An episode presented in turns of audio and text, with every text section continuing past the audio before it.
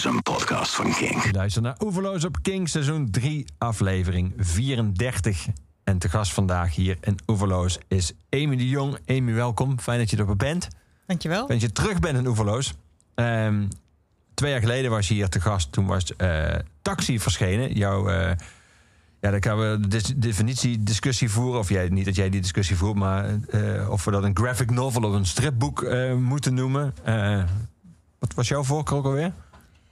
Ja, dat, eh, Taxi is best wel een dunnetje in de, de stripwereldtermen. De- het is maar eh, 96 eh, pagina's. Ja. Dus volgens mij is het officieel dan een stripboek. Oh, oké. Is de term zo- eh, afhankelijk van de dikte? Ja, volgens mij zodra het boven de 140 pagina's zit of zo... dan, dan kan je spreken van een graphic novel. Daar kunnen we dan nu van spreken. Want Nu nieuwe Dagen van Zand is eh, veel dikker.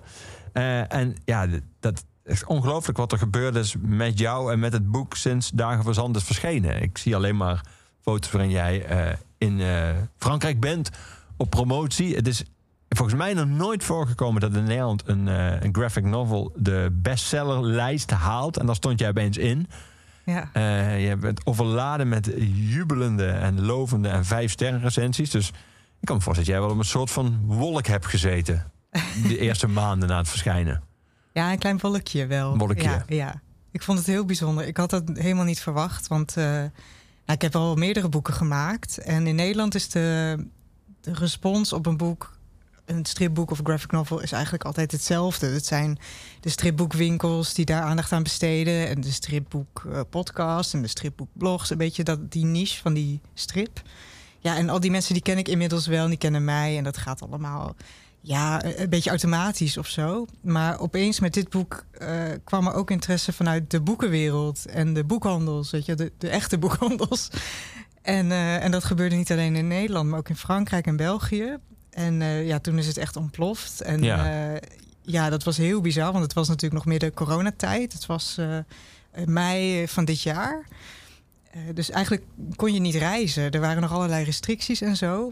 En eh, nou ja, ik werd opeens wel gevraagd. eh, in Frankrijk moest ik op verschillende plekken dan signeren en promotie doen. En ik zat dus bijna ieder weekend met zo'n stokje in mijn neus om zo'n PCR-test te doen.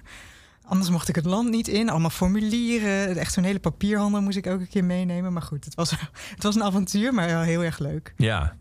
Maar we hebben het er ook al over gehad. In Frankrijk is de graphic novel als, als genre wordt eigenlijk veel serieuzer genomen dan, dan in menig ander land zoals Nederland. Dan wordt het gewoon eigenlijk staat op gelijke vloed met de literatuur. Ze wordt er ook benaderd. Ja. Ze wordt ook besproken. Ze wordt er ook eh, in interviews over gesproken. Dus ik kan me voorstellen, een land waar de graphic novel zoveel ruimte krijgt en respect krijgt, dat een boek dat dan heel goed valt, zoals Dagen van Zand, dat, dat je dan ook inderdaad op, op, op veel plekken terechtkomt. Ja, nee, absoluut. Ja, ik, eh, ik heb echt alle hoeken van Frankrijk gezien, zo'n beetje. En al, bijna alle boekwinkels. Nou ja, het, is heel, heel bijzonder. Want wat je zegt, dat klopt. Dus Frankrijk is een beetje het strip Walhalla. En ehm, ja, hoe dat komt, dat weet niemand. Maar dat is gewoon een deel van de cultuur daar. Dus zoals je muziek hebt en, en literatuur en film en strip hoort daar gewoon bij. Dat is een apart genre. Ze hebben hele grote stripfestivals, hele grote stripprijzen en zo. En En niemand Daar- weet echt, is dat niet, heeft dat niet één herleidbare eh, bron van de, daar is dat toen begonnen, of dat is dan wat het heeft onderscheiden van andere landen. Dat is niet terug te. Nee, nee ik denk wel dat, dat eh, nou ja, in Europa zijn de populairste strips die, die zijn Franstalig. Dus dan moet je denken aan Kuifje, Lucky Luke, eh, Asterix en dat soort dingen. Terwijl die komen meestal uit België, dus dat zegt ook niet per se iets. Maar Nee. Ehm, in Frankrijk is dat gewoon heel erg populair geworden. En eh, nog steeds, want nu lezen de jongeren nog steeds ontzettend veel strips daar. Terwijl in Nederland is het helemaal niet cool als je op de middelbare school zit en je leest strips. Nou ja, ik las het dan wel, maar goed, hè, ik was ook niet zo cool. Maar daar in Frankrijk is het gewoon, dus is het prima, is het heel normaal. En, en eh, ik moet ook zeggen, het is altijd heel warm bad als ik daar kom. Ik krijg echt het gevoel dat je dan als auteur gewoon gewaardeerd wordt voor je werk. En eh, er zijn heel veel journalisten van heel veel kranten. Ik heb gesproken met Le Monde bijvoorbeeld, met Le Figaro. En dat zijn echt de grote kranten.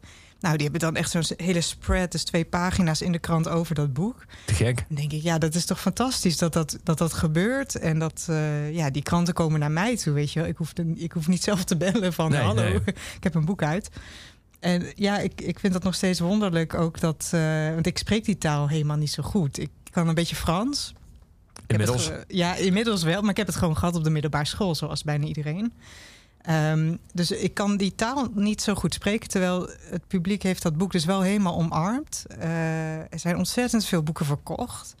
En, en ik vind dat zo bijzonder dat je dan een boek tekent met tekening. En die, die kunnen dus ja, een soort connectie krijgen met een publiek. Terwijl als je, als je met ze zou praten, zou je dat niet hebben. Nee. Dat is echt heel gek. Ja. En ook wel mooi. Dat, het zegt iets over de kracht van, eh, van tekeningen, denk ik. Ja, zeker. Om eens even helemaal bij het begin te beginnen. Van, eh, eh, het, het verhaal waar het over gaat in Dagen van Zand speelt zich af in, in de Verenigde Staten eh, in 1937. Eh, en, en we volgen daar een, fotograaf, een jonge fotograaf, die wordt gevraagd om de Das Bowl te documenteren, eh, te documenteren en daar foto's van te maken. Het boek opent ook met een, een, een echte foto van, van die Das Bowl. En op het eind heb je een soort, ja, soort van bronnen toegevoegd. Eh, een soort dossier noem je het ook, waarin je eh, uitleg geeft over, eh, over sommige termen die we in het boek tegenkomen, eh, over sommige situaties. eh, aan de hand van foto's en een paar uitleggende teksten. Daar staat ook die term in Das Bowl. Eh daar staat in het begin van de jaren 30 moesten de Great Plains, de grote vlakte van Oklahoma, diverse rampen tegelijkertijd bevechten. Konijnen en sprinkhanenplagen, de lage prijzen voor gewassen en hevige stofstormen. Ze werden veroorzaakt, ze waren veroorzaakt door slechte landbouwmethodes en het jarenlang uitblijven van regen. In die tijd geloofde men dat de zwarte rollende wolken een straf van God waren. Boeren waren wanhopig en velen hadden geen andere keuze dan hun verlies toe te geven en te vertrekken. Toch bleven ze altijd doorgaan, onverschrokken en veerkrachtig. Of zoals John Steinbeck zou schrijven, hun bloed is sterk. Dat is eigenlijk dat is die Das Bowl waar het om gaat. Ja. Ehm, hoe kwam jij, laten we daar eens helemaal bij het begin beginnen. Hoe kwam je bij dit onderwerp terecht? Of beter gezegd, hoe komt het onderwerp Ja. bij jou terecht? Ja, nou ja, ik, ik kende het helemaal niet. Ehm, en ik, weet niet precies waar het nou is begonnen. Dat is echt al jaren geleden gebeurd. Maar ik heb een, ja, een mapje op mijn computer, heb ik altijd al gehad. Waarin ik, eh, als ik iets interessants vind op het internet... ik ben gewoon lekker aan het scrollen op YouTube of wat, dan ook... en ik zie iets interessants, dan maak ik een soort screenshot... of ik sla een plaatje op in die map... En die map heet ook inspiratiemap. dus als ik eh, klaar ben met een boek, dan ga ik daar eventjes in kijken. Van, goh, wat heb ik allemaal nog staan? Wat heb ik opgeschreven? Zijn er ideeën waar ik wat mee kan? En ik had een aantal foto's, echt jaren geleden, daarin opgeslagen van eh, de Dust Bowl. En dat is dus de, de regio rondom Oklahoma, Kansas, Texas. Ehm, die in de jaren 30 totaal verwoest is eigenlijk door zandstormen en stofstormen. En de, de plaatjes die ik had opgeslagen, dat waren foto's. Dat waren zwart-wit foto's uit die tijd. Van die enorme stofwolken. En, en het is echt, eh, ja, je kan je het bijna niet voorstellen hoe groot die waren. Dat, dat zijn gewoon ja, stormen van bijbelse proporties. Dus je snapt dat ook als je de foto's ziet, dat die mensen dachten: dit is een straf van God. Ja. Want het was gewoon, nou ja, eh, ik weet niet, drie flatgebouwen hoog, weet Ja. je wel. En die wolken die waren pikzwart. En die rolden eigenlijk over de vlaktes heen. En die verwoesten de huisjes die daar stonden, de gewassen, eh, alle oogst mislukte. Ehm, en het was gewoon heel veel stof. Dus ja, je, je kon bijna niet meer ademen. Er zijn heel veel kinderen overleden aan een soort longontstekingen. Al het vee eh, ging dood, weet je wel. Dus het was echt... ehm, in alle opzichten was het een verwoestende tijd. Ja, je opent met een foto ervan, maar het het is, Ja. het is niet alleen, het is natuurlijk het, de hoogte ervan. Het is echt ongelooflijk hoog, want je ziet Ja. een, eh, een, een boerderij staan en je ziet dat het die Dust Bowl echt, die, die boerderij past daar in de hoogte wel, wel, wel ik wil minstens 10, 15 keer in. Maar dat is ook inderdaad die kleur, dat zwart. Dat Ja, maakt hem zo, zo ja. dreigend en zo. Ja, Een soort donderwolk, maar dan veel groter en op onze hoogte. Ja, klopt. En het bewoog ook. Dus het had echt. eh, nou, ik heb dagboeken gelezen uit die tijd van mensen die daar woonden. En die vertelden telkens dat het een soort rollende beweging was. Dus ehm, het kwam ook heel snel dichterbij. Het had enorm veel wind. Ehm, ik hoorde eh, op een gegeven moment in interviews die zijn opgenomen, ook met mensen uit, eh, uit die regio, dat de marmotten door de lucht vlogen. Nou ja, dat, dus dat zegt wel iets over hoe, hoe heftig die wind ook was. Ehm, ja, dus je kan je voorstellen dat je daar niet heel lang blijft eh, als je daar woont. Want het, het gebeurde dagelijks dat die wolken overkwamen. En soms duurde zo'n storm ook gewoon vijf uur, zes uur. Zat je gewoon in, de, in het pikken donker, urenlang. Ehm, maar goed, er zijn ook heel veel boeren gebleven. Want die gingen dan, nou ja, die dachten: ik ga gewoon heel veel bidden. En ik ga gewoon heel erg hopen dat het voorbij Ja. gaat. Gebeurde niet. Maar ehm, ik, dat is eigenlijk wat John Steinbeck ook bedoelt. Their blood is strong, heeft hij geschreven. Dus hun bloed is, is sterk. Het zijn mensen uit die regio, het zijn boerenfamilies die eigenlijk ja, hun hele leven zelf opgebouwd hebben. Dus ja, ze hebben zelf hun nutjes gebouwd. Ze hebben zelf dat land omgeploegd. Ja, om dan zeg maar je verlies toe te geven en weg te gaan en te verhuizen, dat, dat is nogal wat. Dus er waren heel veel families die ook bleven. En daar gaat het boek eigenlijk over. Dus een fotograaf bezoekt die families die midden in die stormen blijven. Ehm, en soms willen ze wel weg en kunnen ze niet, omdat ze gewoon geen geld hebben of geen auto bijvoorbeeld. Um, maar goed, er zijn ook mensen die zeggen: Ik wil gewoon niet weg, want dit is mijn, uh, mijn land, dit is mijn plek. Ja, maar dit verhaal, of althans uh, de, de, de hele grote lijnen van dit verhaal, of de kern van dit verhaal, stond in jouw uh, inspiratiemap. Ja. Uh, maar daar stond er al een tijd in dus. Ja. Ehm, wanneer kom je tot de conclusie dat je daar iets mee moest gaan doen? Ja, dat was eigenlijk dat was niet toen. Want ik heb toen wel wat schetsjes gemaakt met die stofstormen en zo. En ik vond het allemaal heel tof. Maar ik kwam niet echt tot een, tot een scenario, tot een verhaal waar ik wat mee kon doen. Um, en dat was vooral omdat ik heel erg aanliep tegen... ja, wie is dan de hoofdpersoon? Want als ik zou bijvoorbeeld kiezen voor een boer die daar woont in de Dasbol... en die heeft te maken met die stofstormen... ja, is dat interessant, weet je wel? Want, want zo'n boer die leeft daar en die zou dat niet... Ja, eh, hele filosofische gedachten over hebben... en die zou het ook niet heel erg gaan uitleggen aan de lezer bijvoorbeeld. Nee. Dus Um, je, had je had een buitenstaander nodig. Ja, ik had eigenlijk een buitenstaander nodig. En dat, dat zie je heel vaak in films bijvoorbeeld. Dat, dat er een buitenstaander is die reist naar een plek en die komt daar. En de lezer of de kijker die kijkt met hem mee en ontdekt dingen voor de eerste keer. Ja, dat, dat bleek uiteindelijk de beste optie te zijn. En het, het kwam eigenlijk per toeval dat ik een, uh, een tentoonstelling bezocht in Parijs. In het uh, Centre Pompidou, wat je waarschijnlijk wel kent. Die grote glazen zijkant en zo. Um, heel mooi museum. En ik was er eigenlijk voor een andere tentoonstelling die heel erg tegenviel. en toen dacht ik, nou, ik, ik, wil nog even iets anders zien, want ik ben nog niet helemaal uh, tevreden met dit uh, bezoek. toen ben ik naar een andere verdieping gegaan waar een fototentoonstelling was van een, een fotograaf die in de jaren dertig foto's maakte van families in die omgeving. Dus het was niet, niet specifiek Oklahoma, maar meer Alabama eigenlijk. En, en ook met gewoon diezelfde, ja, dezelfde sfeer als die Dustbowl-foto's die ik had in mijn inspiratiemapje. En, en toen klikte er iets voor mij. Toen dacht ik van, dit is gewoon de oplossing. Het moet een fotograaf zijn. Want die fotograaf komt heel dicht bij die mensen. Uh, met zijn camera, maar ook gewoon fysiek. Die moet gewoon een, een, huis binnen kunnen komen, weet je wel, om een foto te maken. Dus uh, ja, er zit zoveel verhaal in van hoe zou jij, zeg maar, als fotograaf naar zo'n gebied gaan en met dat grote logge ding, wat toen een camera was, uh, bij mensen naar binnen gaan. Uh, en toen, toen dacht ik van, nou, dit is gewoon de, de oplossing. En, en toen had ik het eigenlijk. Ja. En een goede les. De les is dus als je naar een expositie gaat, een tentoonstelling die tegenvalt, ga even naar een andere verdieping. Want wellicht speelt zich daar iets af wat je helemaal niet wist, of waar je niet voor kwam. Ja. En wat ja, ontzettend nee, mooi blijkt te zijn. Ja, maar ik vraag me ook af, als, stel dat die eerste tentoonstelling nou niet zo was tegengevallen en ik was gewoon helemaal overdonderd en dan, ja, soms denk ik van, oh, dit was zo mooi, ik ga nu gewoon even weg, ik wil niks anders meer ja, zien. Dit moet even, neerdalen. Even ja. neerdalen. Stel dat dat was gebeurd, dan had ik misschien die hele fotograaf dus niet bedacht. Ja, je weet het nooit hè, hoe het leven loopt, maar, maar dan ben ik dus heel benieuwd wat er dan was gebeurd met dit boek.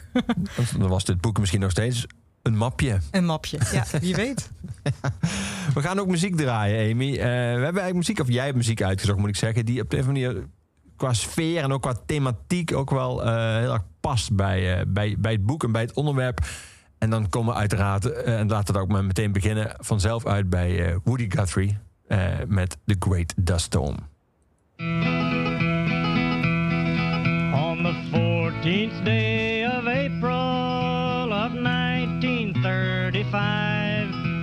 Struck the worst of dust storms that ever filled the sky. You could see that dust storm coming, the cloud looked death like black, and through our mighty nation it left a dreadful track. From Oklahoma City to the Arizona line, Dakota and Nebraska to the lazy Rio Grande. It fell across our city like a curtain of black rolled down. We thought it was our judgment, we thought it was our doom. The radio reported, we listened with alarm. The wild and windy a storm. From Albuquerque and Clovis and all New Mexico, they said it was the blackest that ever they had saw. From old Dodge City, Kansas, the dust had rung their knell, and a few more comrades sleeping on top of old. From Denver, Colorado, they said it blew so strong. They thought that they could hold out, but they didn't know how long. Our relatives were huddled into their oil boom shacks, and the children they was crying as it whistled through the cracks. And the family it was crowded into their little room. They thought the world had ended, and they thought it was their doom. The storm took place at sundown, it lasted through the night. When we looked out next morning, we saw a terrible sight. We saw outside our window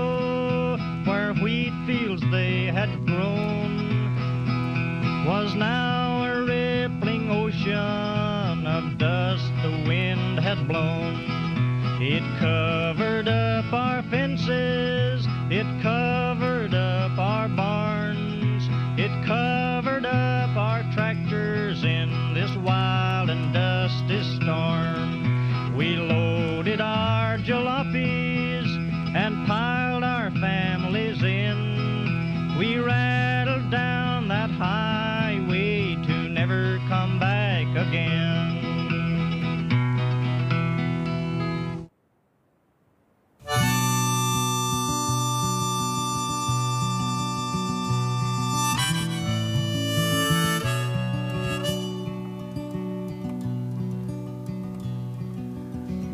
walking along the railroad tracks. Going someplace and there's no going back. Highway patrol choppers coming up over ridge. Hot soup on a campfire in the bridge. Shelter line stretching round the corner. Welcome to the new world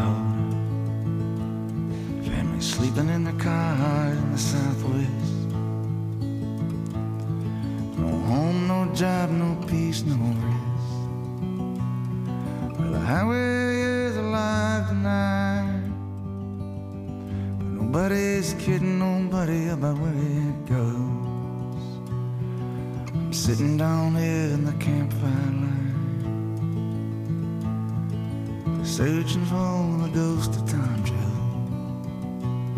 He pulls a prayer book out of his sleeping bag.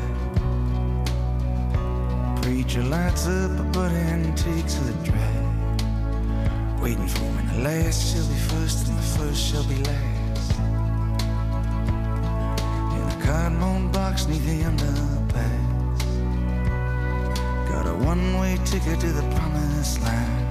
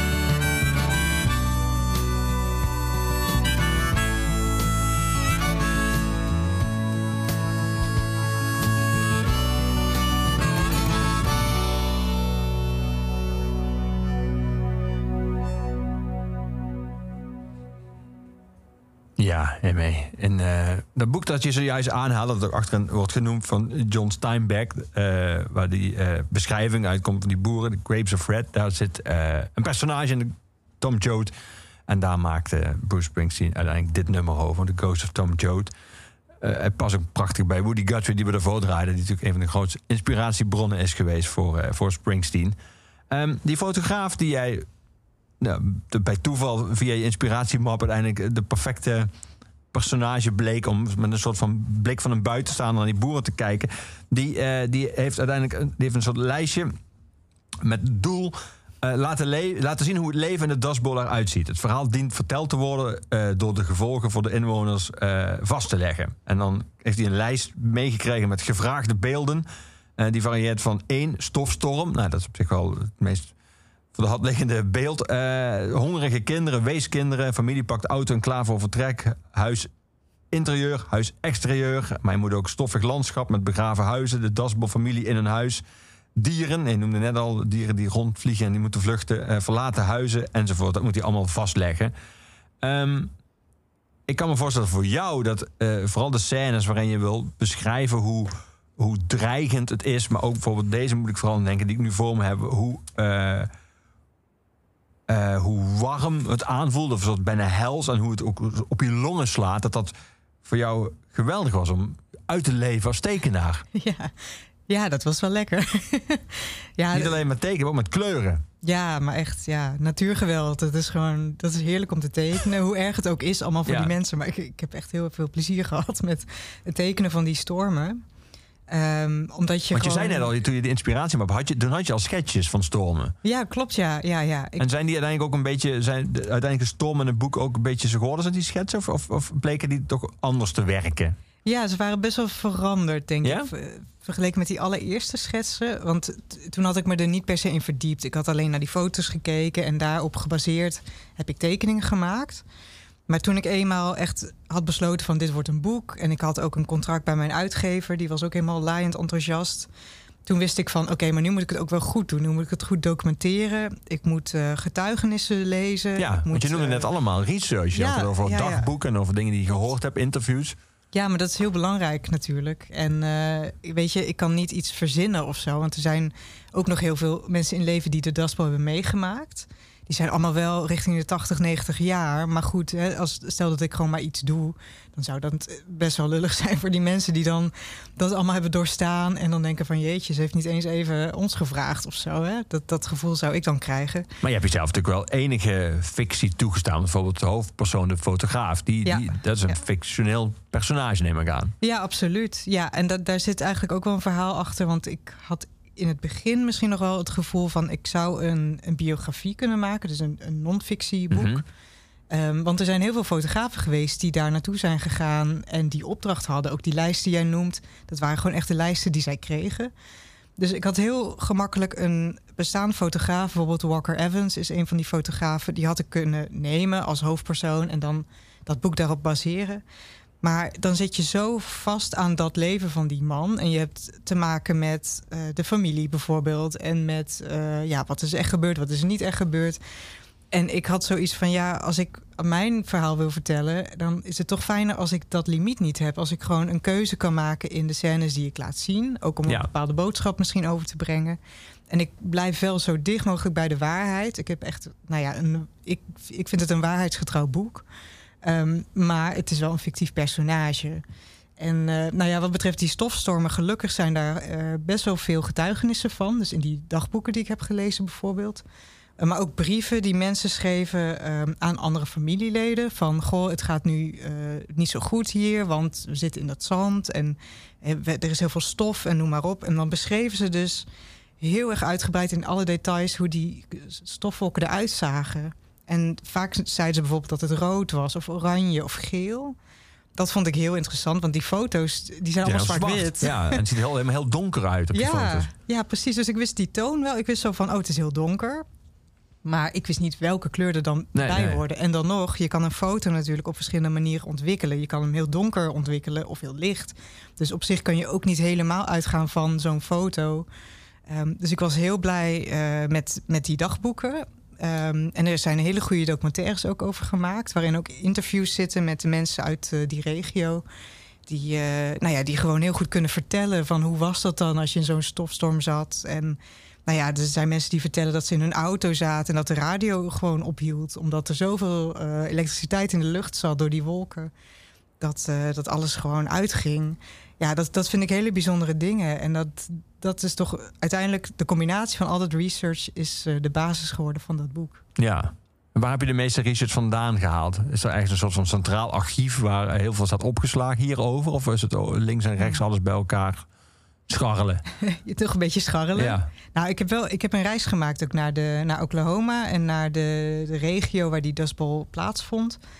Ehm, en misschien is dat wel hetgene geweest waar, waar ik het meest aan heb gehad. Ja? ik denk het wel. Niet omdat daar nu nog steeds de Dust Bowl is, want het is nu. eh, het is, er is gewoon regen, er zijn zelfs sneeuwstormen, weet je. Er is, het is niet zo droog en bar en boos zoals het toen was. Ehm, maar het landschap is gewoon hetzelfde. Dus als ik daar met de auto eh, doorheen rijd, dan zie ik eigenlijk gewoon hetzelfde landschap als op die foto's. Alleen zonder die grote zwarte wolken erachter. Ehm, maar ik voelde gewoon op de een of andere manier, toen ik daar reed, ook op die weggetjes eh, en in die, die hele droge gebieden met al dat droge gras en zo, voelde ik gewoon die, die dustbol nog. En ehm, ik voelde me ook ontzettend verbonden toen, toen ik daar reed. Ehm, ik heb ook veel mensen gesproken daar. Ik heb mensen gesproken in Californië die zijn verhuisd vanuit de Dust Bowl naar daar.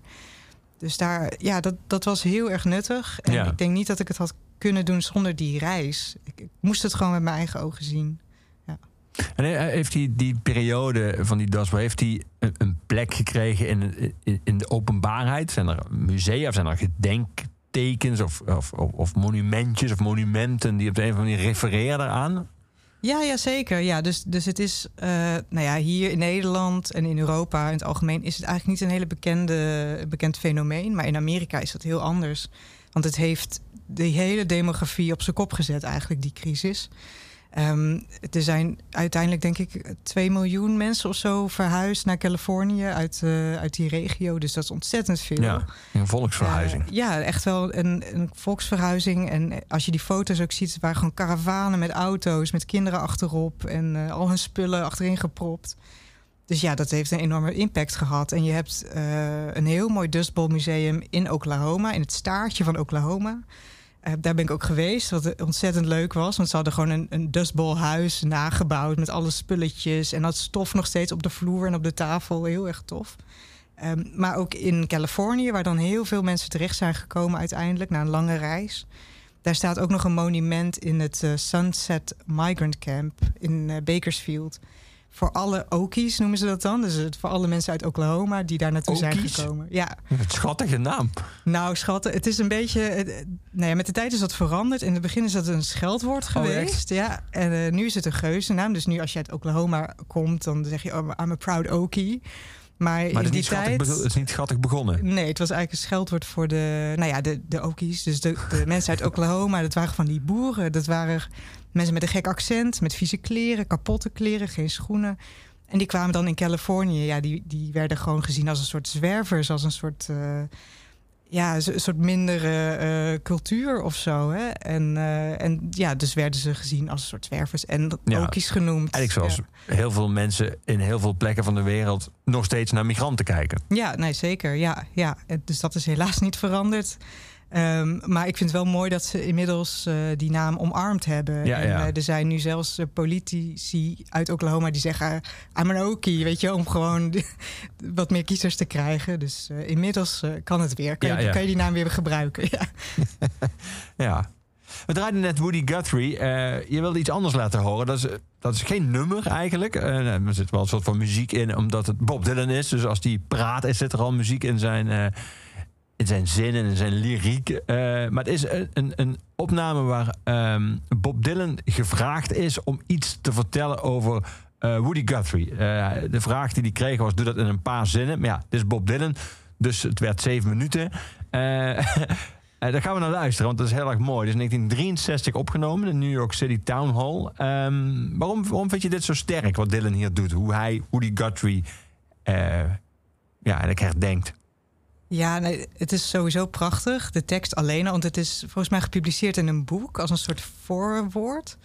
Maar hier leest hij het dus zelf voor met die, die typische Bob Dylan stem en Ja. dat, dat prachtige accent van hem. Ja, het is een, een ode aan zijn god eigenlijk. Woody Guthrie was een god voor hem. Hij heeft eh, ooit gezegd dat zijn allereerste nummer dat hij schreef... dat was A Song to Woody, dus een ode aan Woody. Want in die tijd was het heel normaal dat je, dat je andere nummers eh, coverde, zeg Ja. maar. Dus eh, nou ja, hij, Woody Guthrie was eigenlijk een soort een loner. Die, die schreef zijn eigen liedjes, maar hij was een van de weinigen. En Bob Dylan die vond dat zo fantastisch. Die is helemaal geïnspireerd daardoor en is zijn eigen liedjes gaan schrijven. Eh, in plaats van die eindeloze blues eh, covers die iedereen al deed. En ik, ik vond het zo grappig, want ik heb me een beetje ook verdiept in dit stuk. En eh, het bleek dus dat Woody Guthrie op een gegeven moment ja, heel ziek werd en in het ziekenhuis terecht kwam. Met een hele nare ziekte ook. En toen is Bob Dylan gewoon op eigen initiatief naar hem toegegaan, op zoek gegaan naar dat ziekenhuis. En heeft daar elke dag eh, zijn eigen liedjes, dus van Woody Guthrie, gespeeld voor die zieke man. En, eh, en die Woody Guthrie kon niet meer reageren, die was al helemaal heel ver weg. Maar die vond dat prachtig. Dus dat er een jonge fan kwam eh, die dan ja, zijn eigen oeuvre eigenlijk speelde. Het, Prachtig. het zegt wel iets ook over, over Bob Dylan, vind ik. Hoe hij eh Woody Guthrie adoreerde, maar ook ja, eh, hem wilde verzorgen en een mooi einde geven op die manier. Ja, Ehm, iets wilde teruggeven voor Ja. als wat hij van hem gekregen had eigenlijk. Ja. ja. We gaan naar luisteren. Last, last Thoughts on Woody Guthrie door Bob Dylan. there's this book coming out, and they asked me to write uh, something about Woody. Uh, sort of like, what does Woody Guthrie mean to you in 25 words? And, uh, and I couldn't do it. I wrote out five pages, and uh, I have it here. It's a, have it here by accident, actually. but but I, I'd, I'd like to say this out loud. So, uh, if you can sort of roll along with this thing here. This is called Last Thoughts on Woody Guthrie.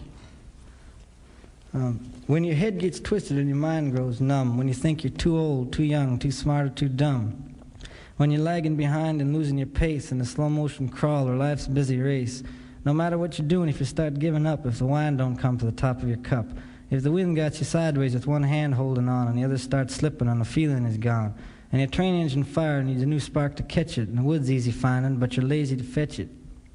And your sidewalk starts curling and the street gets too long, and you start walking backwards so you know that it's wrong, and lonesome comes up as down goes the day, and tomorrow's morning seems so far away, and you feel the reins from your pony are slipping, and your rope is a sliding because your hands are dripping, and your sun-decked desert and evergreen valleys turn to broken down slums and trash can alleys. And your sky cries water and your drain pipes are pouring, and the lightnings are flashing, and the thunders are crashing, and the windows are rattling and breaking, and the rooftops are shaking, and your whole world's a slamming and banging.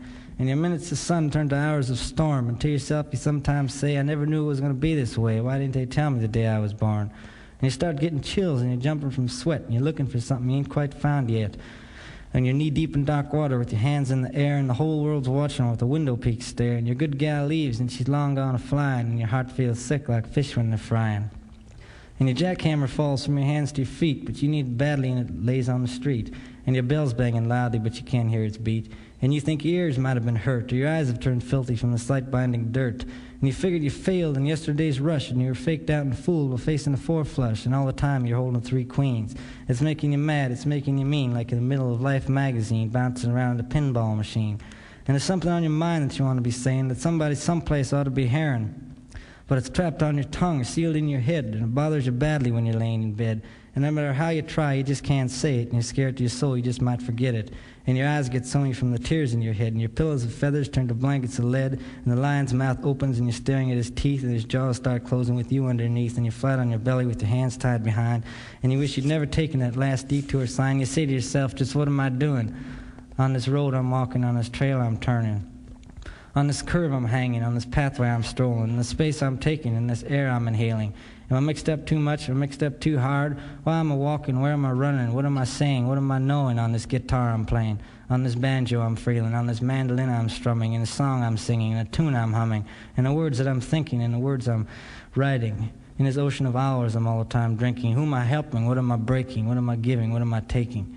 But you try with your whole soul best never to think these thoughts and never to let them kind of thoughts gain ground or make your heart pound. But then again, you know when they're around, just waiting for a chance to slip and drop down. Because sometimes you hear them when the nighttime come creeping and you fear they might catch you sleeping. And you jump from your bed from the last chapter of dreaming and you can't remember for the best of your thinking if that was you in a dream that was screaming. And you know that's something special you're needing. You know there's no drug that'll do for the healing and no liquor in the land to stop your brain from bleeding. You need something special. You need something special, all right. You need a fast flying train on a tornado track to shoot you someplace and shoot you back. You need a cyclone wind on a steam engine howler that's been banging and booming and blowing forever that knows your troubles a hundred times over. You need a greyhound bus that don't bar no race, that won't laugh at your looks, your voice, or your face, and buying a number of bets in the book will be rolling long after the bubblegum craze. You need something to open up a new door to show you something you've seen before but overlooked a hundred times or more. You need something to open your eyes. You need something to make it known that it's you and no one else that owns that spot that you're standing, that space that you're sitting, that the world ain't got you beat. It ain't got you licked. It can't get you crazy no matter how many times you might get kicked. You need something special, all right. You need something special to give you hope. But hope's just a word that maybe you said, maybe you heard on some windy corner around a wide angle curve.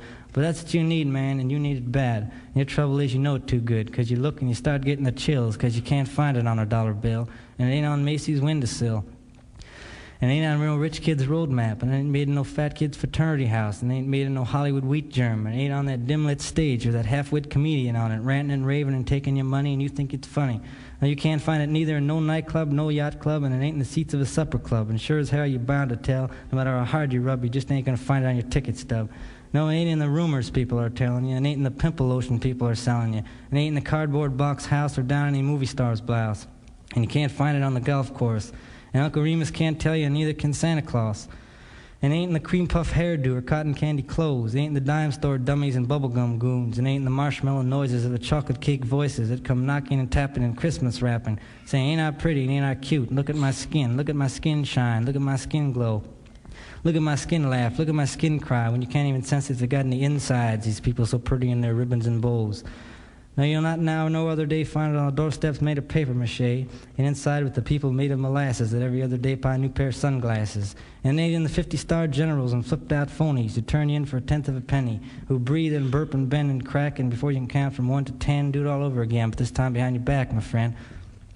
The ones that wheel and deal and whirl and twirl and play games with each other in the sandbox world. You can't find it either in the no talent fools that run around gallant, and make all the rules for the ones that got talent. And ain't the ones that ain't got any talent but think they do and think they're fooling you. The ones that jump on the wagon just for a while because they know it's in style. To get their kicks, get out of it quick, and make all kinds of money and chicks. And you yell to yourself and you throw down your hat saying, Christ, do I got to be like that? Ain't there no one here that knows where I'm at? Ain't there no one here that knows how I feel? Good God Almighty, that stuff ain't real. No, but that ain't your game. It ain't your race.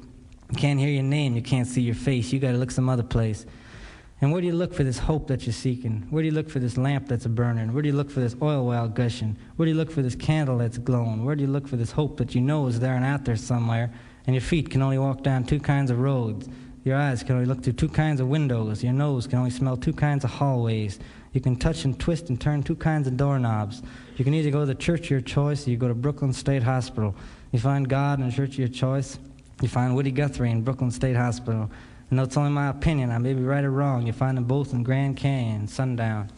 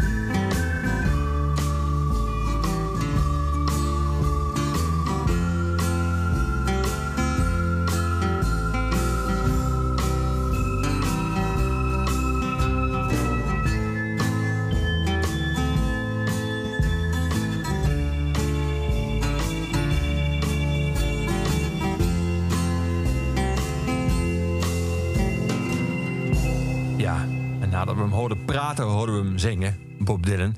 Waarom vind je die, uh, die ja, eigenlijk wordt het een toespraak, zou je kunnen zeggen. Hij leest uiteindelijk die, inleiding van die vijf woorden die gevraagd was aan Woody Guthrie te wijden, die vijf pagina's werden, leest hij voor. Maar omdat Dylan het doet, wordt het meteen ook een soort performance. Waarom, als je dan nu zo weer hoort, waarom raakt jou dat zo? Wat hij daar doet voor Woody Guthrie en voor zijn werk? Ja, nee, wat hij, wat hij zo mooi. Uh, nou ja, ten eerste dank je wel dat je dat helemaal integraal wilde draaien. Want dat, nou ja, vind ik fantastisch. Ja, je kan ook niet één ding uithalen, vind ik. Het is alles of niks. Het is, het is, alles of niks, inderdaad. Nou, wat ik heel erg herken in wat hij zegt, is, is die vraag die je als, als maker, denk ik, heel vaak stelt: is: what is it all good for? Dus waar doe je het eigenlijk allemaal voor? Want ik maak een stripboek bijvoorbeeld, ik maak een graphic novel. Maar waarom eigenlijk? Wat is nou het nut? En, en het is heel makkelijk om te denken van... het is nergens voor eigenlijk. Ik ga er niemand mee helpen. Het is wel leuk, het is een leuk leesplezier of zo... wat je eraan hebt. Maar help ik er nou mensen mee? Is er nou echt iets wat, wat ik toevoeg aan de maatschappij of zo? En dat is eigenlijk de vraag die hij zich stelt in dat, uh, in dat gedicht.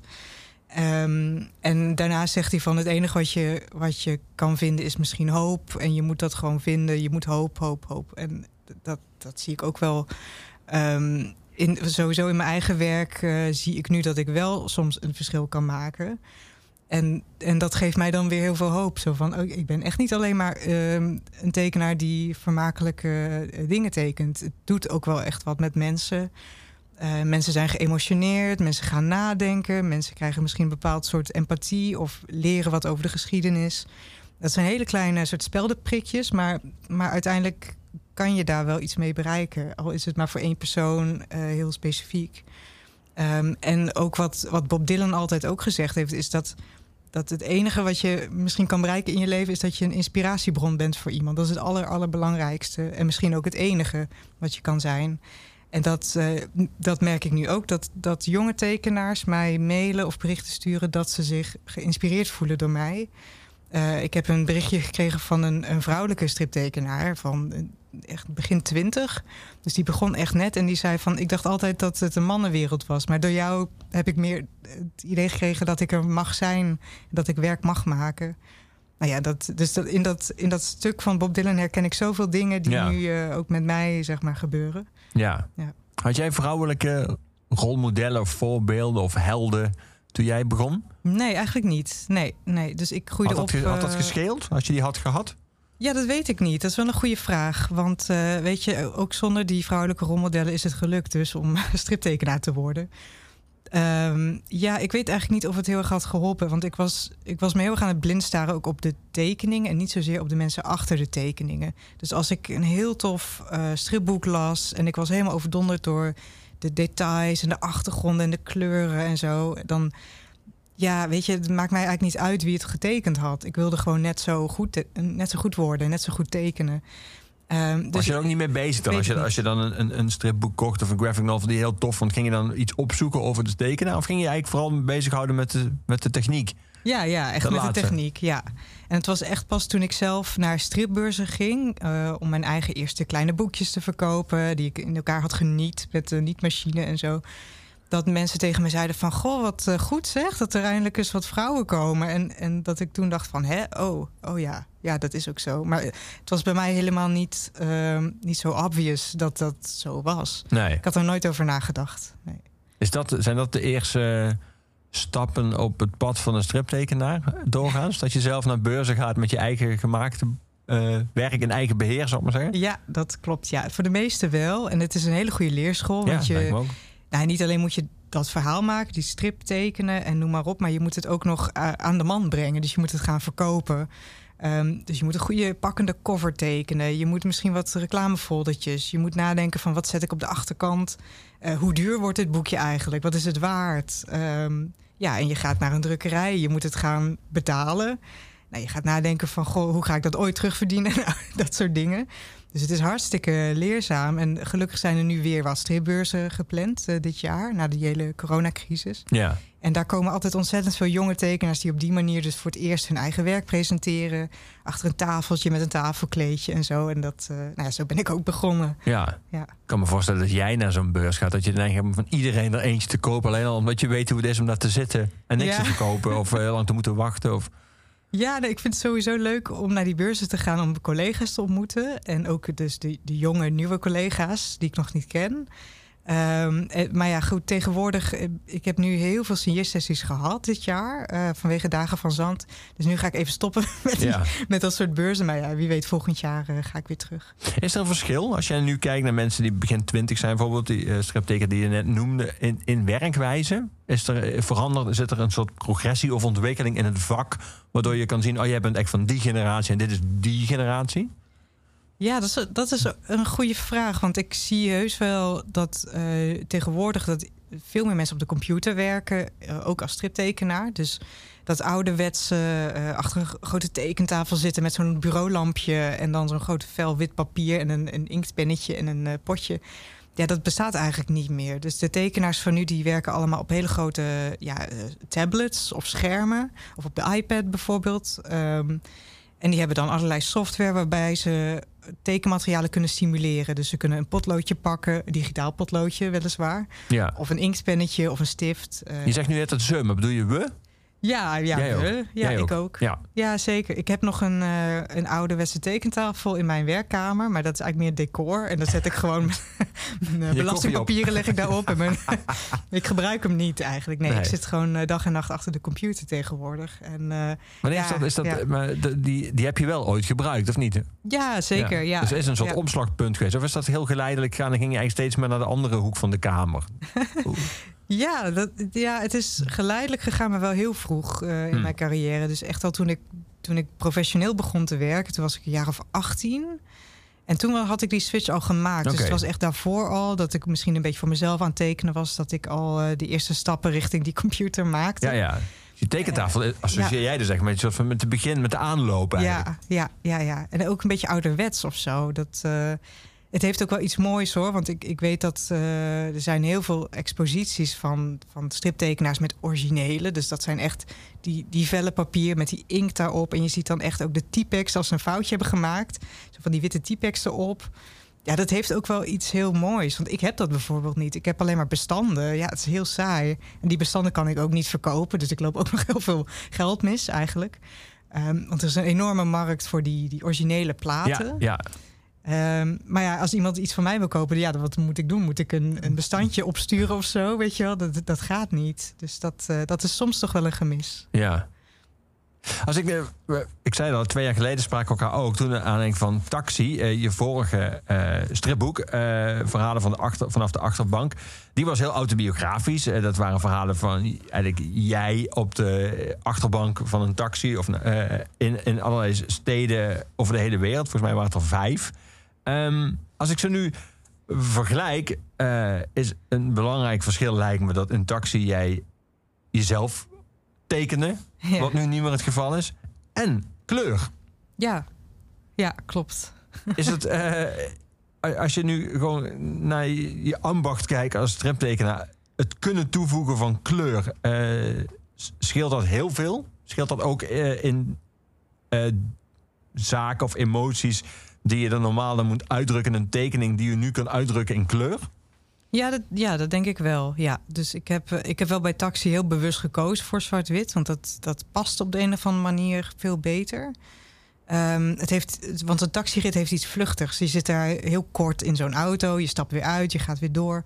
Dus ik wilde ook dat dat boek een beetje vluchtig aanvoelde. En ik wilde niet te veel eh, moeilijke details bijvoorbeeld. En niet te veel kleur, niet te veel ingewikkelde dingen. Ehm, dus die keuze was heel bewust en past ook echt bij die vorm van dat boek. Ja. Ehm, en bij Dagen van Zand vind ik wel dat die kleur heel veel toevoegt. Want er zijn plaatsen zonder tekst, waar ook helemaal geen, eh, geen eh, ballonnetjes op staan of eh, tekstjes. Dan heb je alleen maar die tekening. Ja, als het dan zwart-wit zou zijn, dan zou je denk ik toch iets missen of zo. Dan, dan heb je toch het gevoel van, oh, ik heb niet genoeg informatie. Maar juist omdat er nu, ja, het is full color, alles is ingekleurd. En, ehm, en daardoor misschien soms krijg je ook meer het gevoel van, oh, ik ben daar echt of zo. Ik loop daar echt in die storm. Eh, ik zie eh, de kleur van de lucht, ik zie de kleur van de grond. Ehm, en dat, dat heeft net zo een- net een slagje realiteit, denk ik, dat dat boek ook nodig had. Ja. Dus bijvoorbeeld eentje die heb ik nu voor me. Dat is een, eh, een dubbele pagina, een spread eh, zonder tekst. Waar je alleen maar het effect van de storm ziet. Van alles door allemaal stukken die door de, door de, eh, door de lucht vliegen. En je ziet een lamp die, waarvan je kan zien dat die op en neer kletst door de. door ja, die- deze vind ik. die- die- die- dat is heel, deze is heel indrukwekkend. Heel, je, je voelt hem echt. Maar als je bijvoorbeeld deze tekening nu neemt, hoeveel. Hoeveel werk heb je hier aan om, om, om, om dit vast te leggen? Dit gevoel dat er een storm over je heen raast als lezer. Ja, nou ja, dat, je hebt natuurlijk de productietijd, dus hoe lang je daadwerkelijk aan het tekenen bent. Maar er gaat ook veel research in, want, want dat gevoel wat jij krijgt van ik zit midden in die wolk, dat komt door een heleboel verschillende dingetjes. Het, eh, bijvoorbeeld dat dus de lijnen niet meer zwart zijn, die zijn een beetje ja, lichter, wat oker van kleur. Ehm, terwijl als een lijn zwart is, eh, wat in de rest van het boek gebeurt, dan heb je het gevoel dat, dat je heel scherp kan zien of zo, dat je het heel goed kan zien. En juist in deze plaat, door die, dat zwart een beetje weg te halen, krijg je het gevoel van: oh, er zit van alles tussen. Ik kan niet goed zien. Ik, ik zit in een wolk. Ja, En dan heb je die felle kleuren. Je hebt allerlei verschillende lagen die ik heb toegevoegd. Dus steentjes die door de lucht vliegen, die soms wat beter zichtbaar zijn dan andere. Daardoor krijg je ook het gevoel van: goh, er zijn steentjes dicht bij mijn hoofd, maar ook heel ver weg van mij. Want dat wilde je bijvoorbeeld dan ook. Je wil dan weten Ja. wat vliegt er door de lucht. Wat, Ja. wat zit er in zo'n wolk? Ja, precies. Ja, ja. En eh, dus er is van alles eh, nou ja, van tevoren gebeurd. Ik heb heel veel gelezen ook over die, die stormen, waardoor ik dat dus kon invullen. Ehm, en ja, die kleuren ook, die, die wisselden. Dus de ene keer waren ze wat roder van kleur en dan weer wat geler. Dus in het boek zie je ook wel dat in alle scènes waar een storm zit, dat die kleur heel anders is. Dus de, de ene keer zie je wat grijzer van Ja. kleur bijvoorbeeld. Ehm, en dat was ook echt zo in die tijd. Dus, dus je kon eigenlijk aan de kleur ook zien hoe lang die storm al bezig was. Dus hoe donkerder, hoe langer die al eh, in de lucht hing. Maar ook als hij een bepaalde kleur had, wist je dat hij uit het noorden kwam, of uit het zuiden of uit het oosten. Want dan had hij eh, zand meegenomen uit een bepaald gebied, uit Canada bijvoorbeeld, of uit eh, het oosten. Dus die, die kleur is ook ontzettend belangrijk eh, in dat boek. En dat zijn allemaal dingen die niemand gaat weten als ze dit boek lezen. Maar voor mij maakt het het net realistischer. Ja. En al die interviews die je hebt geluisterd en al die brieven die mensen elkaar schreven en die dagboek aantekeningen, was die, was die storm alleen maar eh, een gevaar en een soort van eh, vijand die op ze af kwam rollen? Of waren er ook mensen die er op de een of andere manier, om welke reden ook, schoonheid in zagen of iets anders dan dreiging? Goh, ja, dat, dat weet ik eigenlijk niet. Want ehm, nou, het, het was echt wel een, een grote natuurramp, een ecologische ramp. Ehm, en ik denk dat er niet, niet alleen die stormen, dat, wat zo heftig was, maar ook gewoon de, nou ja, het feit dat die stormen er waren, is eigenlijk doordat er landbouw eh, bedreven werd in dat gebied. Ehm, dus het waren de boeren zelf die het land hebben omgeploegd en het, de gewassen hebben weggehaald, waardoor dat zand ja, los op de bodem Ja. lag en met ieder zuchtje wind steeds meer omhoog ging en het stof verzamelde en uiteindelijk die stofstormen eh, kwamen. Dus er zit in, in zo'n storm zit enorm veel emotie. Het is niet alleen van, oh god, hoe gaan we dit overleven? Eh, maar het is ook van, oh, we hebben gefaald. We hebben een verkeerde beslissing gemaakt. eh, we kunnen dit niet terugdraaien, want alles ligt al open. Je kan het niet opeens weer ehm, gaan begraven of zo. Ehm, ja, en dat, die trots van die boeren, dat, dat is ook een ding. Dat is nu nog steeds zo natuurlijk, zelfs in Nederland. Dat is een heel trots volk en dat is ook heel mooi. Maar als je dan ziet dat jouw werk een klimaatramp veroorzaakt, heel specifiek in die regio. Ja, wat moet dat met jou doen, zeg maar, jouw gevoel en ook het idee wat, ja, hoe gaan mijn kinderen opgroeien in deze wereld, in, deze, eh, in dit gebied? Dat lijkt me heel lastig. Dus ik vraag me af of er echt mensen in die dasbel waren die, die dachten: Goh, wat is dit mooi? Want ja, het enige wat ik me kan voorstellen, ook na het lezen van al die dagboeken, is van ehm, ja, een enorme wanhoop. Ja. ja. Ja. We gaan muziek draaien. We gaan luisteren naar Towns Van Zandt met Langs. Nou, langs, eh, lange, longen spelen een belangrijke rol in het boek. eh, want die, al die stormen bena die ontnemen je de adem. Eh, waarom, waarom dit nummer? En waarom Towns Van Zandt? Ja, ik, ik vind dit een, een heel mooi nummer. Het is misschien wel mijn favoriete nummer van Towns Van Zandt... en misschien ook wel zijn bekendste, maar dat weet ik niet zeker.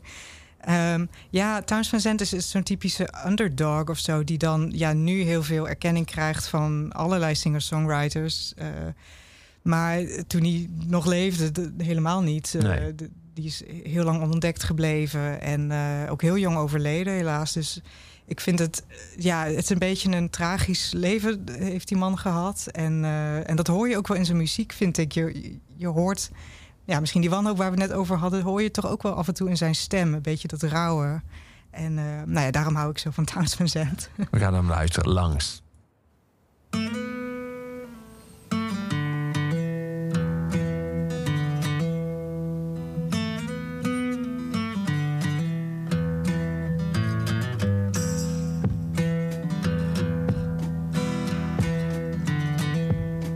Won't you lend your lungs to me?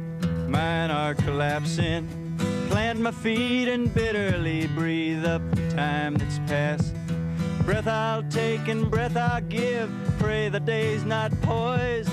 Stand among the ones that live in lonely indecision. Fingers walk the darkness down, mine is on the midnight. Gather up the gold you found, you fool, it's only moonlight. And if you stop to take it home, your hands will turn to butter. Better leave this dream alone, try to find another.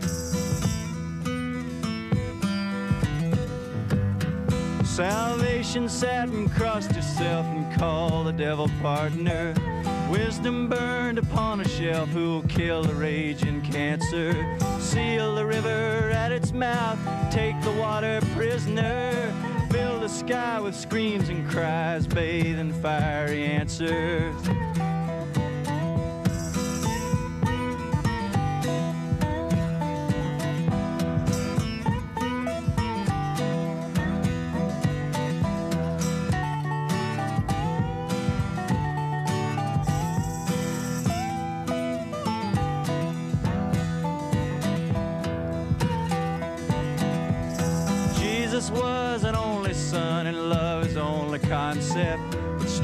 Strangers cry in foreign tongues and dirty up the doorstep. And I, for one, and you for two, ain't got the time for outside. Keep your injured looks to you, we'll tell the world that we tried.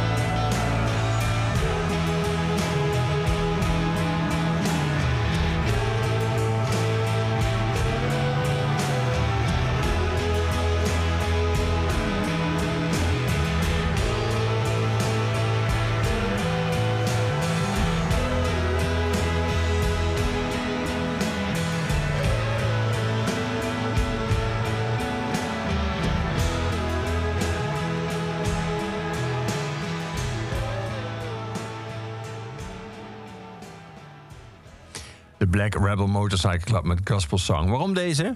Hou je mee? Ja, nee, ik heb een, een Black Rebel Motorcycle Club fase gehad. Die is over. Het is over. maar toen, toen luisterde ik eigenlijk meer de, het harde werk. Want Ja. eh, ze hebben heel, heel veel ja, rock and roll, hard rock eh, nummers die heel erg goed zijn. Ehm, maar pas heel recentelijk ontdekte ik dit album, Howl heet het, uit 2005. Dus echt helemaal aan het begin van hun carrière. En er zit echt van alles op. Hele rustige nummers, eh, nummers zonder drum, eh, heel, eh, ja, heel melancholisch ook. Ja, dit nummer vind ik ook echt sterk. Ja. Het begint heel rustig, een beetje als een soort kinderliedje. En dan barst het helemaal los. Dus het, ja, het past niet echt in de, de rest van hun oeuvre. Maar ik vind het wel heel, heel bijzonder. En dit nummer vooral heel gaaf. Ja. Ja. Toen we het net hadden over de vraag waarom je doet wat je doet, waarom je kunst maakt, en aanleiding van de, die ode van Bob Dylan en Woody Guthrie. Ehm, ik vroeg me af toen jij aan het boek zat te werken en ook toen nu het uit is, heb je die mensen die je gesproken hebt en die je hebt teruggehoord in die interviews en die documentaires en eh, eh, terug hebt gelezen in die dagboeken, de, de Okies, heb je die in je achterhoofd gehad? Of wilde jij iets niet alleen over, maar ook voor die mensen doen? Of is het niet zo direct terug te herleiden Eh, tot... ja, ja, jawel, denk het wel. Ja. Eh, het heeft wel heel wat veranderd dat ik daar geweest ben en dat ik ook die, die mensen ontmoet heb. En eh, ik heb op een gegeven moment in een museum in Oklahoma gesproken met ook een, een- iemand die daar werkte, met een historicus. En die was zo gepassioneerd ook door dat onderwerp. En die heeft mij ontzettend geholpen met allerlei informatie. Heeft dat boek nog proef gelezen. Dus dan stuurde ik het, pdfje naar hem toe. En ik zei, als je nog fouten ziet, laat het weten. Nou, dat heeft hij helemaal doorgekamd. Heeft hij mij nog eh, heel aardig allemaal dingen opgestuurd. Dus, dus tof. voor mij, ja, ik, ik voel wel alsof ik het ook voor hem eh, goed wilde doen. En ook voor al die mensen in Oklahoma. Is het ook, het is natuurlijk in het Frans vertaald, hebben we het al over gehad. Maar is het ook in het Amerikaans vertaald inmiddels, of niet? Ja, hij is vertaald. Hij komt eh, pas in het voorjaar uit. Dus dat duurt nog even. Maar dan komt hij uit in, in Amerika, Engeland en Canada. Dus dat Cool. wordt heel tof. En ik, ik hoop dat ik er dan naartoe kan. En dat ik ook eh, die musea die ik toen bezocht heb voor die research... dat ik die weer kan bezoeken en dan het boek gewoon kan geven... aan, aan de mensen die mij toen geholpen hebben. Ja. Ehm, dat zou heel bijzonder zijn. En eh, ik weet dat sommige van die musea al zeiden van... we gaan hem echt in de museumshop leggen, weet je wel. Dus ik, ik hoop dat ik terug kan en eh, ze gewoon dat, dat resultaat kan laten zien Ja. van al dat werk. Ja. Ja. Dus je, je gaf het al aan, ehm, dat slijmert wel door het, door het hele verhaal heen in het boek. Eh, je zei dan in het begin, sommige mensen dachten dat het een soort van straf van God was. Maar je zou kunnen zeggen, het is de straf van de natuur. Het is een soort van bijna de wraak van de natuur. Van dit is wat, wat er gebeurt als wij met onze aarde omgaan eh, zoals wij ermee omgaan. Dan krijgen we het terug. Dat, dus die, die, die vergelijking is natuurlijk veel, vaker gemaakt. Recent nog bij alle overstromingen in, eh, in, in, in Limburg en in Duitsland. Ja. Eh, dat is een discussie die natuurlijk heel actueel is, ehm, maar die toen ook al speelde. Eh, heb jij geprobeerd op de een of andere manier, of, of gebeurde dat eigenlijk vanzelf, om een analogie te maken tussen wat er toen gebeurde en wat we nu meemaken? Of was dat eigenlijk als vanzelf al duidelijk dat, dat er parallellen tussen zitten? Ja, ja, dat ging vanzelf. Daar, daar hoef je eigenlijk helemaal niks aan toe te voegen. Ik merkte dat eh, voor mij was het geen klimaatboek of zo. Voor mij ging het veel meer over de, eh, de mensen die daar woonden en ook de migratie die het gevolg was van die dasbol. Eh, want ik ben heel erg bezig met, met volksverhuizingen, dat soort dingen vind ik heel interessant. Dus dat vond ik het, het belangrijkste van dat verhaal. En nou ja, de eh, oorzaak van die dustbol en de gevolgen en zo. Ik dacht, ja, dat, dat lijkt me wel duidelijk. Dat is door die boeren, door de landbouw en noem maar op. Ehm, maar toen dat boek eenmaal uitkwam, toen werd door heel veel journalisten werd juist dat uitgepikt. Zo van, het is gewoon de, de geschiedenis die zich herhaalt. Hè. De mensen hebben de natuur ingenomen voor hun eigen gewin en de natuur slaat terug.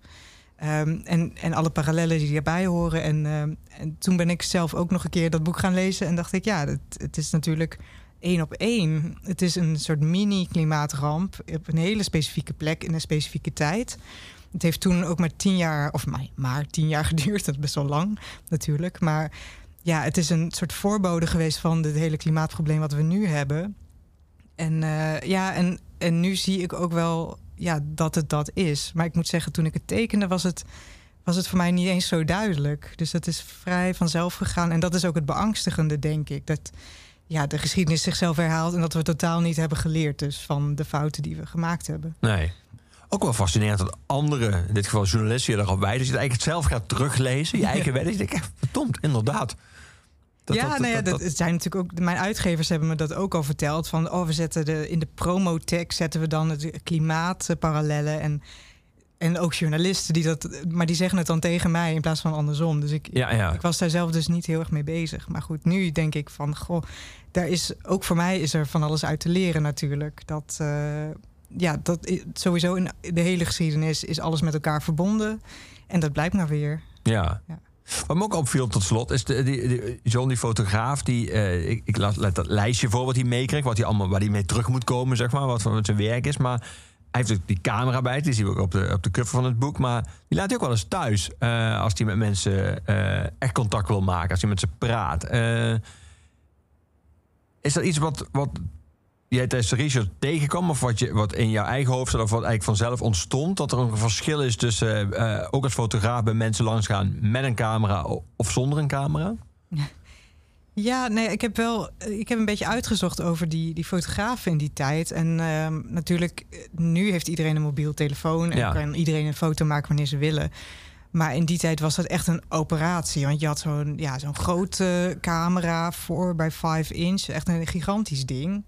Eh, nou ja, die statieven waren ook ontzettend hoog en zo. Dus Ja, er je kwam echt wel wat binnen. Als je... er kwam echt wel wat binnen als je bij familie langs ging en je zei: Mag ik even een foto maken? Nou, om het helemaal op te zetten was je al eh, twintig minuten bezig, weet je wel. Dus het, het is nogal wat. Het is echt een, een invasie als een fotograaf eh, bij een familie aanklopt. En wat ik eh, fascinerend vond van Dorothea Lang, wat ook een fotograaf is, een vrouw uit die tijd, dat zij zei: I never steal a photograph. Zij bedoelde, ik, ik steel geen moment. Ik- Het is niet zo dat ik een soort snapshot maak van een situatie. Ik laat mijn camera eerst thuis. Dan ga ik naar de mensen toe. Ga ik uitgebreid in gesprek. Ga ik vragen van, goh, wie ben jij? Wat doe je hier? Mag ik misschien een foto maken? Ik ben dit, ik kom daar vandaan. Dus een heel soort ja, voorgesprek. En daar, eh, nou ja, daar ontstond dan een soort vriendschap of een soort kennismaking. Daarna ging ze pas met die camera naar binnen. En je ziet ook bij haar foto's dat ze heel dichtbij kon komen. Echt ja, op de snoetjes van de kinderen bijna. En ik, ik kan me voorstellen dat zonder dat voorgesprek... dat die ouders natuurlijk zeggen, no way. Ja. Dat je zo dicht bij mijn kind gaat staan met dat enge ding van je. Ja, Maar, maar je ziet dus dat juist door die camera heel even thuis te laten... dat je, dat je veel dichterbij kan komen... en dat die foto's ook zoveel persoonlijker zijn. Het is echt alsof er een, een vriend binnenkomt... en eh, ja, niemand vindt het dan nog erg dat er, dat er zo'n camera eh, binnenkomt. en was het bij haar was de reden dat ze, eh, dat ze betere foto's wilde? Of was de reden dat ze bezwaren had die ik denk iedere journalist, fotograaf, documentairemaker ook wel voelt bij zijn vak van dat je iets komt halen, dat je iets Mm. van mensen bijna afpakt en dan, en dan meteen wel weg bent, zeg Ja. maar. Was het meer dat?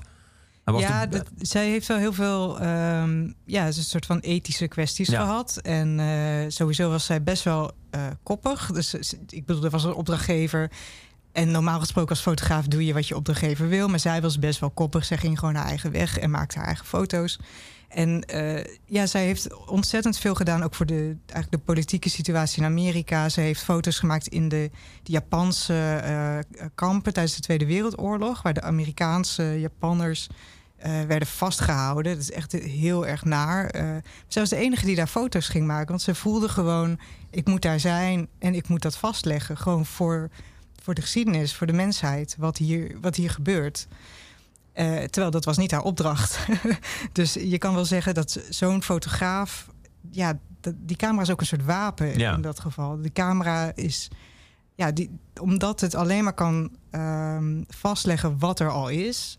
weet je dat zo'n foto ehm, ja, de waarheid vertelt... of een stukje van de waarheid vertelt. Je kan het niet, niet verzinnen. En eh, dat- is de kracht van haar werk, denk ik. Eh, het is ontzettend inspirerend. En de, de Migrant Mother is haar bekendste foto. Mhm. Een soort iconisch portret van een moeder met, eh, met kindjes op de arm, zwart-wit. En ja, de- die foto alleen al, ja, die zit ook in het boek. Ja. Die moest erin. Ja, die foto alleen al, daar krijg ik kippenvel van. Dus zo sterk en zo mooi. Ja. Ja. Dankjewel dat jij was vandaag.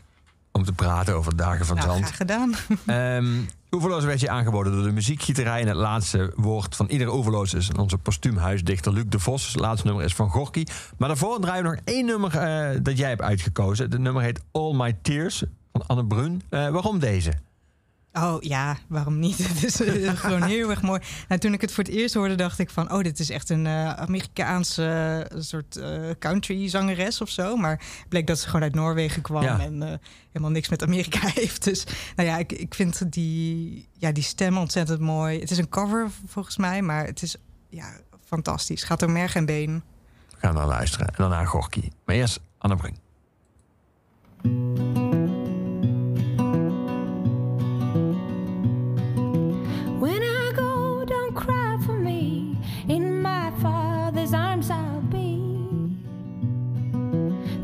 This world